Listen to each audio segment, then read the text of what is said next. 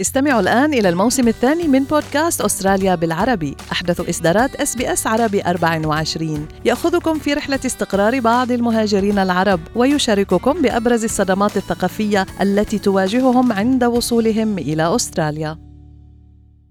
أنتم برفقة SBS عربي 24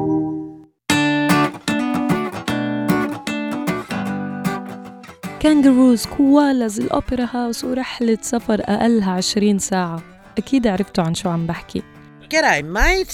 How are ya? أنا مرام إسماعيل من بودكاست أستراليا بالعربي رح أطل عليكم أسبوعياً لنكتشف أنا وإنتو شو اللي بيميز الثقافة الأسترالية خصوصاً أسلوب الحياة أو ال lifestyle اللي أنا بحسه كتير مريح وبعيد عن المظاهر والشكليات المنتشرة عنا بالوطن العربي.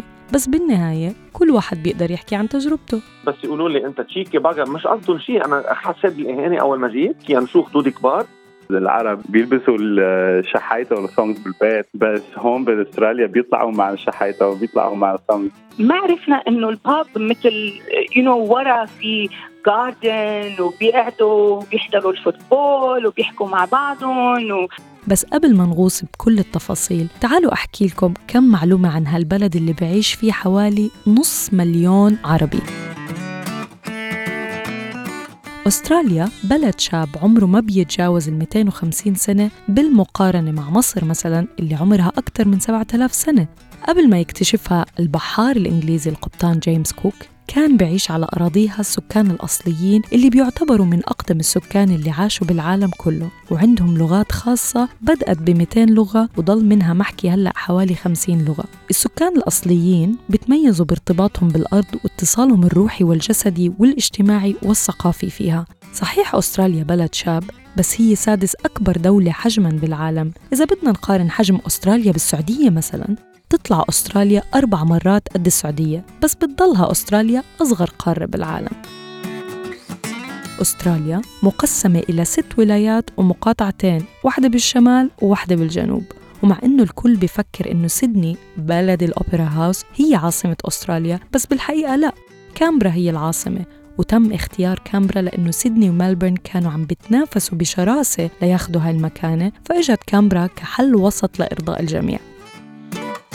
بيبلغ عدد السكان بأستراليا حوالي 25.4 مليون نسمة واللغة الإنجليزية هي اللغة الوطنية بالبلد وما في ديانة رسمية فيها لكن الديانة المسيحية هي الديانة الأكثر انتشاراً بين الأستراليين.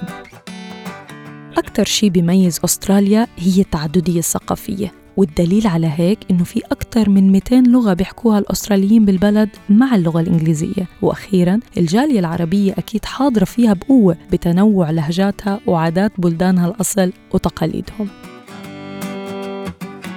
كنت معكم مرام إسماعيل من بودكاست أستراليا بالعربي. لاقوني بالحلقات الجاي من هون من الداون أندر لأحكي لكم شو بيحبوا الأستراليين ياكلوا وكيف بيقضوا وقتهم شو بيلبسوا وين بيروحوا ومن وين جابوا لهجتهم؟ وشو تعريف خفة الدم بالنسبة إلهم؟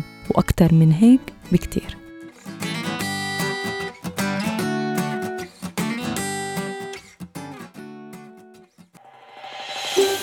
هل تريدون الاستماع إلى المزيد من هذه القصص؟